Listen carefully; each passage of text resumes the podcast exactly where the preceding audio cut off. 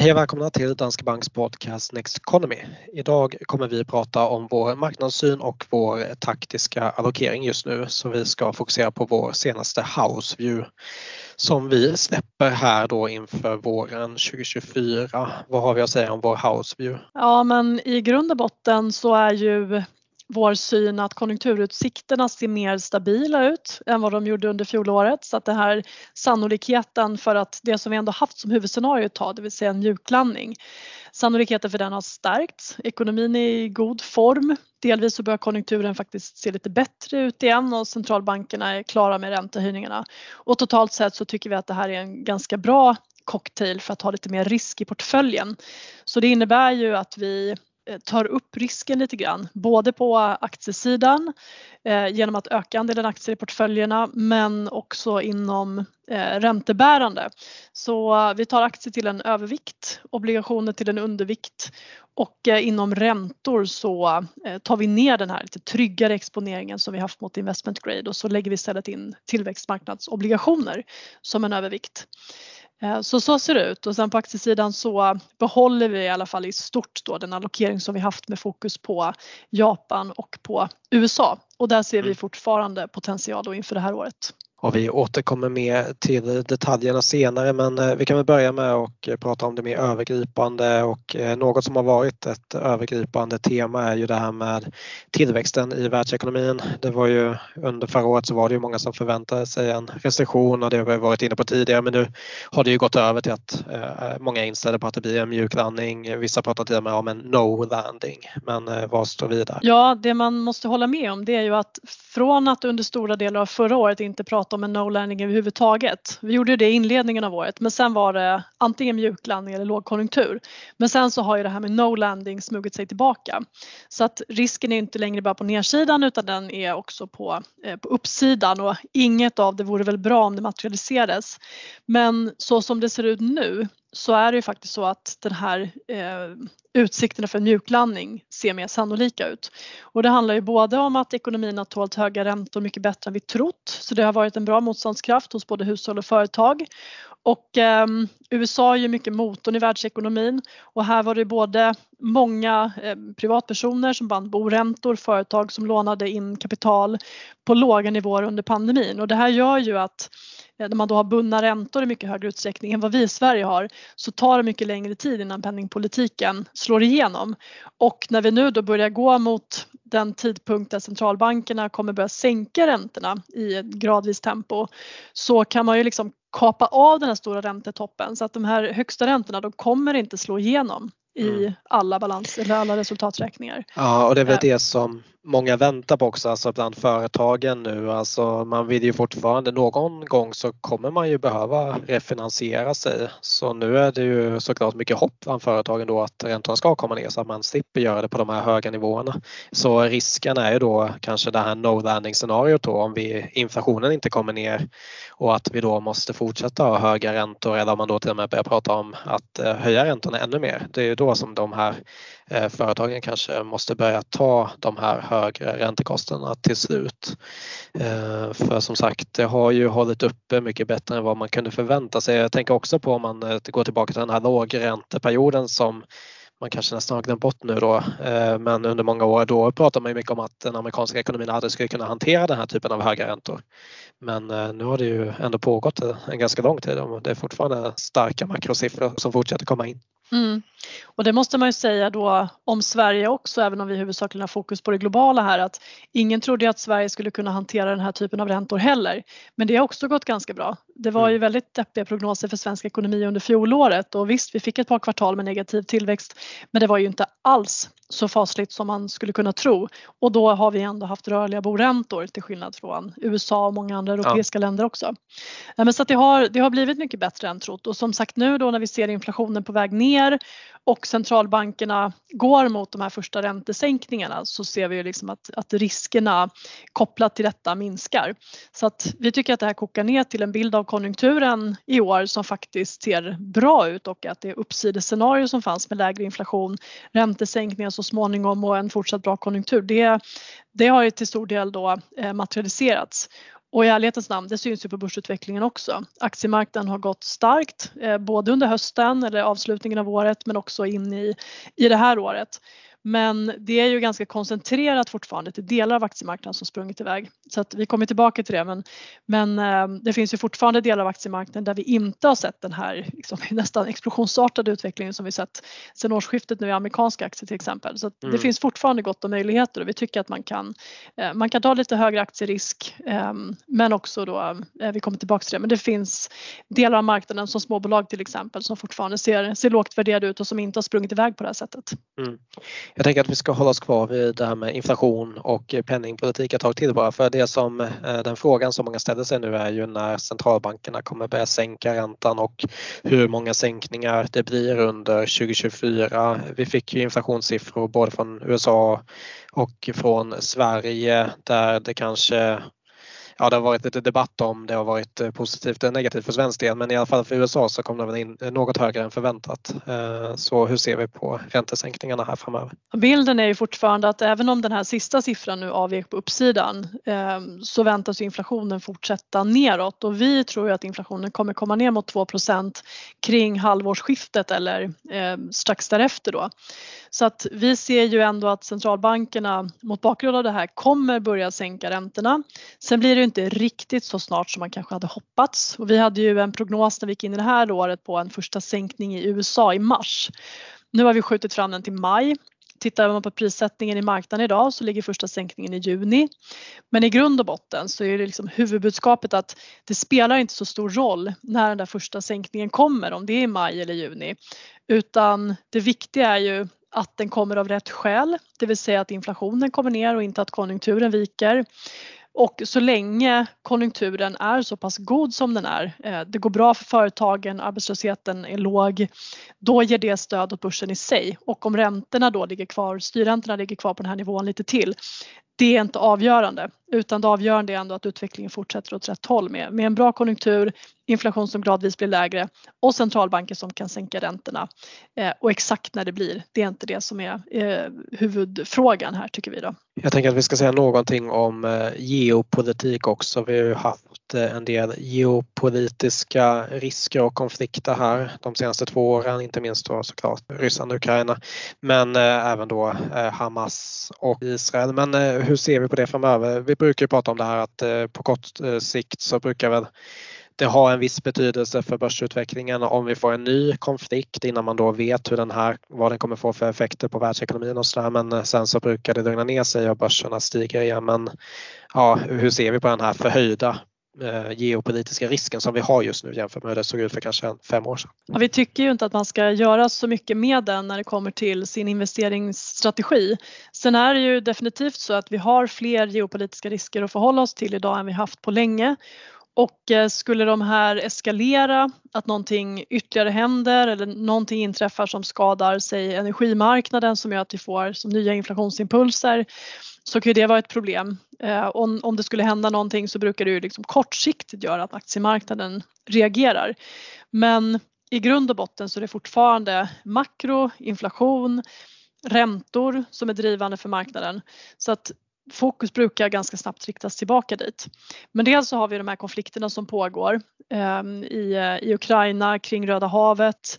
Men sen så har vi också det amerikanska valet som det säkert kommer bli gradvis mer fokus på i takt med att vi då dels vet vem som blir republikanernas president presidentkandidat och eh, vad som då eh, händer under valrörelserna och hur, hur sannolikheten ser ut för eh, Biden respektive då förmodligen Donald Trump.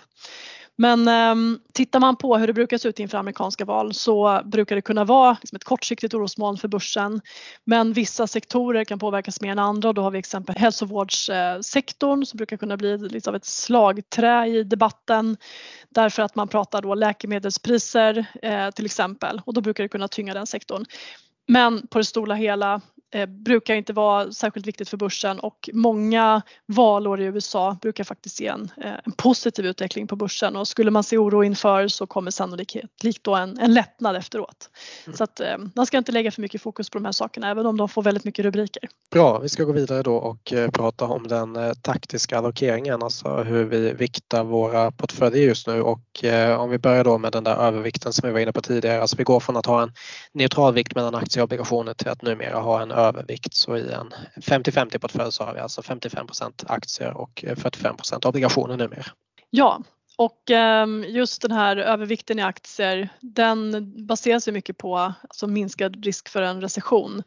Och ehm, att uppgången då har drivits av ett ganska litet eh, antal bolag och tittar man på ett globalt index, index eller ett amerikanskt index så är det mycket amerikanska teknikbolag som, som står för avkastningen. Eh, men det finns ju många andra delar av aktiemarknaden också och eh, i takt med att man då ser att den här mjuklandningen förhoppningsvis materialiseras räntorna börjar komma ner så tror vi att det kommer vara en uppgång som då breddas och eh, även omfattar andra typer av, av bolag då som inte sprungit iväg på det här sättet. Sen måste man också då väga det här mot den potentiella avkastningen på obligationer och ehm, just när det gäller obligationer så är det fortfarande så att med dagens räntenivåer så har vi som en löpande avkastning i kuponger som är attraktiva. Svenskt obligationsindex ger en ränta på 3% ungefär vilket är inte så tokigt. Men däremot om man tittar på när man köper en obligationsfond till exempel så har man ju också en del längre obligationer som påverkas av hur räntorna rör sig. Och det som kanske är baksidan då med det här scenariot där vi får en, en konjunktur som förblir ganska stark, det är ju att räntorna de längre räntorna sannolikt inte kommer komma ner särskilt mycket utan kanske till och med att de stiger lite grann och då är det negativt för avkastningen på obligationer.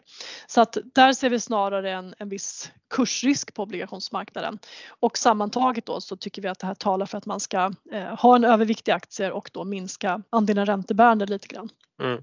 Eh, bara för att förtydliga lite, alltså, eh, alltså vi tror ju fortfarande att de korta räntorna kommer ner då med tanke på att centralbankerna sänker under året men just de längre räntorna påverkas ju mer då på alltså synen kring tillväxt och inflation på längre sikt. Mm. Och är det då så att tillväxten blir bättre än vad man kanske förväntade sig för ett halvår sedan, ja men då kommer man ju då prisa upp de längre räntorna. Men vi har ju som sagt pratat ganska mycket om det här med, eh, ja, vi, vi, pratade i slutet av förra året om revanschen för den balanserade portföljen så bara att man då har en räntedel av portföljen som faktiskt kan ge lite avkastning och ge lite stöd ifall det skulle vara så att eh, något går som man inte har tänkt sig är ju fortfarande en ganska skön känsla då jämfört med hur det har sett ut tidigare. Så så, så sätt är det ju positivt.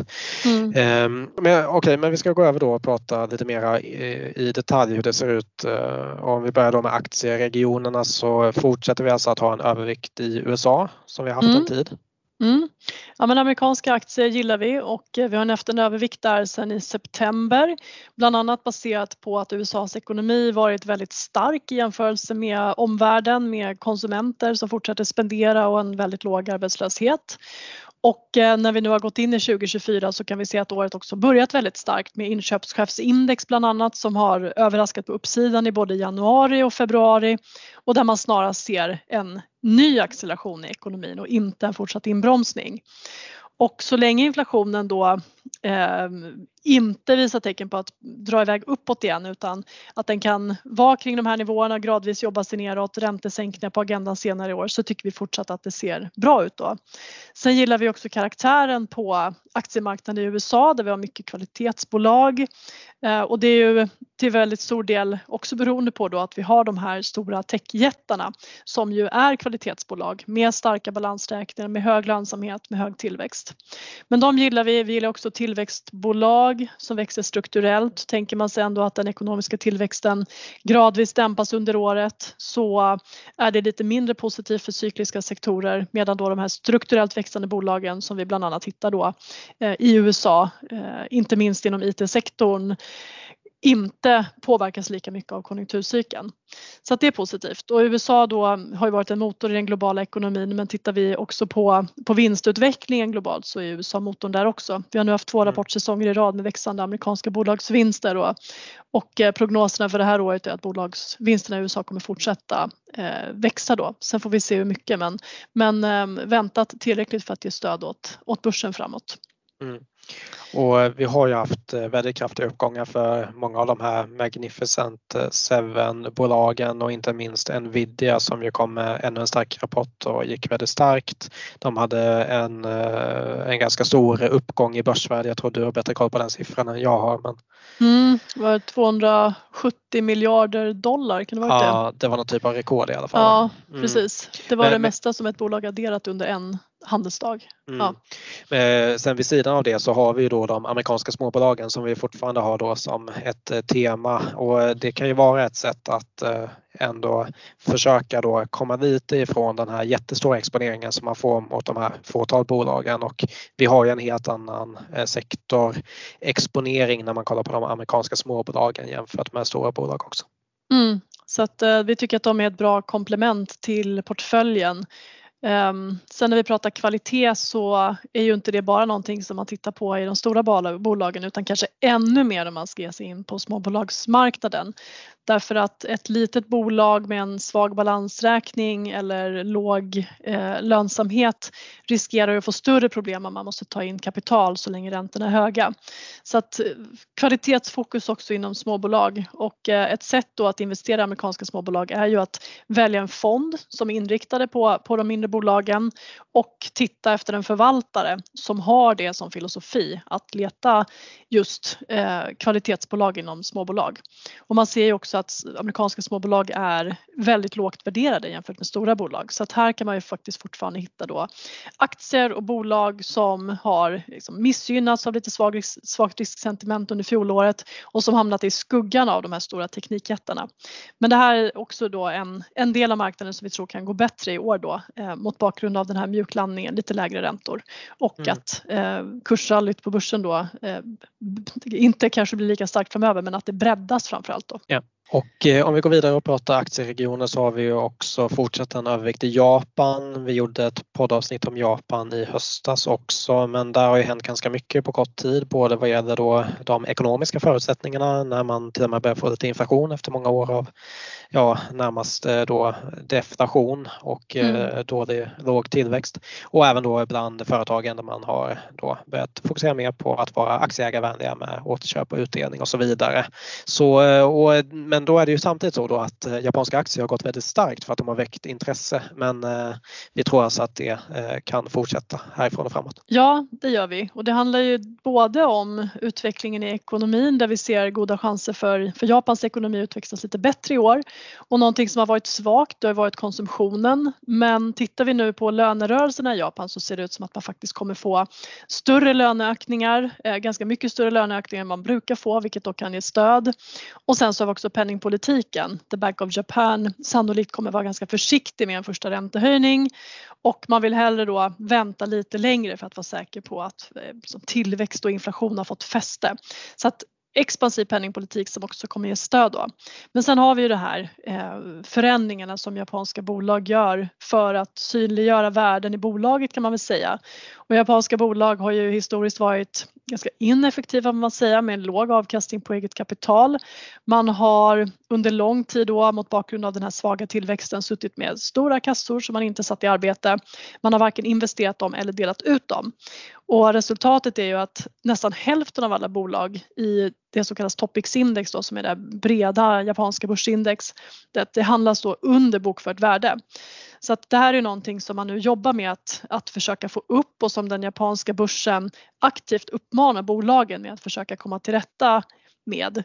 Och eh, bland annat så handlar det om att man ska skifta ut det här kapitalet som man faktiskt inte använder till aktieägarna. Och då har vi sett att återköpen har ökat kraftigare i Japan än på andra håll och man delar också ut mer pengar till aktieägarna. Så att eh, det här ska förhoppningsvis då resultera i att man får lite bättre eh, lönsamhet och förhoppningsvis då att marknaden värderar japanska bolag lite högre. Men det här mm. tror vi kommer vara någonting som fortsatt är i, i centrum och som gör att den japanska aktiemarknaden har en, en edge som vi saknar på, på andra marknader till stor del. Så det här det gör att det är lite extra spännande. Mm. Och det, det, är också ett sätt att minska då det egna kapitalet och då enklare uppnå en värdering som är i nivå med i alla fall bokfört värde och sen mm. samtidigt då alltså att göra återköp eh, bidrar till det och att dela ut och det kan ju samtidigt locka till sig investerare som driver upp värderingen. Så en, en dubbeleffekt där som ju kan vara positiv även framöver. Mm. En annan förändring bara lite kort som vi gjorde på eh, bland aktieregionerna var ju att vi eh, tog ner emerging markets, tillväxtmarknader till en dubbel undervikt och sen så eh, viktade vi upp Europa till neutral. Eh, hur kommer det sig? Och det handlar ju dels om att vi ser lite ljusare på Europa inför det här året med lite bättre förutsättningar för ekonomin. Vi ser att industrikonjunkturen har börjat vända, den har varit väldigt dämpad under, under hela 2023 och sen så räntesänkningar från ECB som också väntas ge lite stöd. Då. Så att lite ljusare utsikter för europeiska aktier. Men sen har vi då tillväxtmarknader där Kina utgör en stor del av ett tillväxtmarknadsindex. Kinas andel har krympt ska man säga på grund av att Kina haft en så svag kursutveckling men det är fortfarande en fjärdedel ungefär av ett tillväxtmarknadsindex. Och det tycker vi är väldigt mycket med tanke på riskerna i fastighetssektorn, svag tillväxt i ekonomin och så geopolitisk risk som också är avskräckande. Så därför så, så sänker vi tillväxtmarknader. Vi föredrar då egentligen alla andra regioner eh, framför det. Men det handlar ju egentligen inte om att vi inte vill ha exponering alls mot tillväxtmarknader utan det som vi inte vill ha det är ju Kina. Så att det vi valt att göra istället är ju att på räntesidan så tar vi upp tillväxtmarknadsobligationer, det som kallas för EMD, till en övervikt istället. Och tittar man då på ett, ett obligationsindex på tillväxtmarknader så kan man se att Kina utgör inte mer än 4% av ett sådant index. Ehm, så att där får man betydligt mindre exponering just mot Kina. Samtidigt så är räntenivåerna väldigt attraktiva, alltså 7,5 procent ungefär, vilket är eh, väldigt bra. Global mjuklandning, positivt för tillväxtmarknader, kommer sannolikt ge stöd här också då och eh, får vi dessutom lite räntesänkningar i USA så brukar det också vara någonting som gör att, att EMD eh, då utvecklas ganska väl. Mm. Så att vi tycker att när man höjer risken baserat på den här mjuklandningen så, så kan man ha lite mer EMD och på så sätt då få tillväxtmarknadsexponeringen som man ju ändå vill ha i portföljen tycker jag. Mm. Annars är det väl två saker som brukar vara eh, motvind för eh, just EM. Det är alltså tillväxtmarknadsobligationer och det är väl att vi har höga räntor, alltså att det blir ju såklart dyrt för dem att finansiera sin tillväxt om vi har höga räntor i västvärlden. Det är mycket som ställs ut i amerikansk dollar då i, mm. om man kollar på hard currency, EMD. Och eh, samma sak om man då har en, ja, en stark dollar och höga räntor. Jag tänker bara hur, hur ser vi på det? Ja men en stark dollar och höga räntor och det är negativt. Men det som är viktigast är ju snarare rörelsen. Så att under den perioden där vi såg eh, Fed höjde räntorna, dollarn stärktes och förväntningarna hela tiden skruvades upp. Alltså man höjde prognoserna för hur stark dollarn skulle bli och prognoser för vad den amerikanska centralbanken skulle göra också bara skiftade upp. Så vi hade den risken på uppsidan. Då är det negativt. Men nu har vi ju faktiskt haft stabila räntor i USA under en period och dessutom sett att långräntorna kommit ner från de här högsta nivåerna så det tar faktiskt bort en del av den här osäkerheten. Sen tror ju inte vi att dollarn kommer att bli svagare i år utan vi har ju snarare en syn att dollarn kommer förbli stark eller till och med stärkas lite. Så att det är negativt. Men å andra sidan då som motvikt så har vi räntesänkningar från Fed och eh, i västvärlden generellt som vi tror kommer vara till, eh, till fördel då för tillväxtmarknader. Så att vi, vi gillar EMD och då som sagt hard currencies, det vill säga eh, dollar. Så det tycker vi att man kan ha i portföljen och riskspridningen här är också god. Om man tittar på eh, hur många länder som finns i tillväxtmarknadsindex så handlar det om 70 länder ungefär så det, det är många länder. Um, så riskspridningen är god, man får ganska lite Kina, bra räntenivåer. Eh, så vi tycker att det här är någonting som absolut är intressant att titta på och ta in i portföljen. Mm. Sen har man en ränteportfölj så ska ju fortfarande sägas att den stora delen ska ju fortfarande vara svenska obligationsfonder. Så att det här är ju inte på något sätt vårt största innehav utan det är, basen är fortfarande obligationsfonder. Men på toppen så adderar vi lite extra EMD då. Mm. Ehm, och så gör vi egentligen med alla saker när vi pratar om Japan eller USA att det handlar ju om, om 5 steg från den strategiska allokeringen och inte mm. eh, stora bett på någonting. Nej precis. Och det har vi pratat om eh, tidigare också men det är alltid värt att återvända till. Och det är just att den här långsiktiga strategiska fördelningen mellan tillgångsslag det är ju den som ska skapa avkastning över tid. Så då handlar det ju mer om hur man har byggt den övergripande portföljen och sen så kan man ju göra justeringar på toppen där då baserat på eh, marknadssyn just nu. Och det är ju det vi gör men då handlar det ofta om 5 procentenheter inte mer än så. Eh, det kan ju vara mer än så såklart också men jag menar mm, mest att den stora grunden, ja, ja. ja men exakt, den stora grunden är ändå stabil och det ska den vara. Mm. Eh, bra, med det så kanske vi avrundar för idag. Har vi något avslutande vi vill säga om Hausion här inför våren? Eh, nej, men jag tänker att vi har täckt ganska mycket och eh, sen vad gäller olika marknader och teman så brukar vi ju alltid återkomma i poddar där vi fördjupar oss i de här olika delarna av marknaden där vi ser lite extra potential och det planerar vi att göra under våren också. Mm. Så jag tänker att vi nöjer oss här och sen så återkommer vi med fördjupande poddar och för den som är intresserad av att höra mer om Japan till exempel så hade vi en podd i höstas, vi har också gjort räntepoddar så ehm, ta gärna del av dem under tiden. Mm. Bra. Men då kanske vi sätter punkt där. Ja, och, och, eh, så kan vi väl bara hänvisa som vanligt till Next Economy som är vår nyhetssajt och där ni hittar både eh, poddar, ni hittar bloggar, krönikor om investeringsstrategi och, och marknadssyn med mera. Så nexteconomy.se. Mm. Och gå gärna in då i vårt frågeformulär också i avsnittsbeskrivningen och eh, skriv någonting till oss skriv en kommentar eller skriv vad vi ska prata om. Det är alltid uppskattat.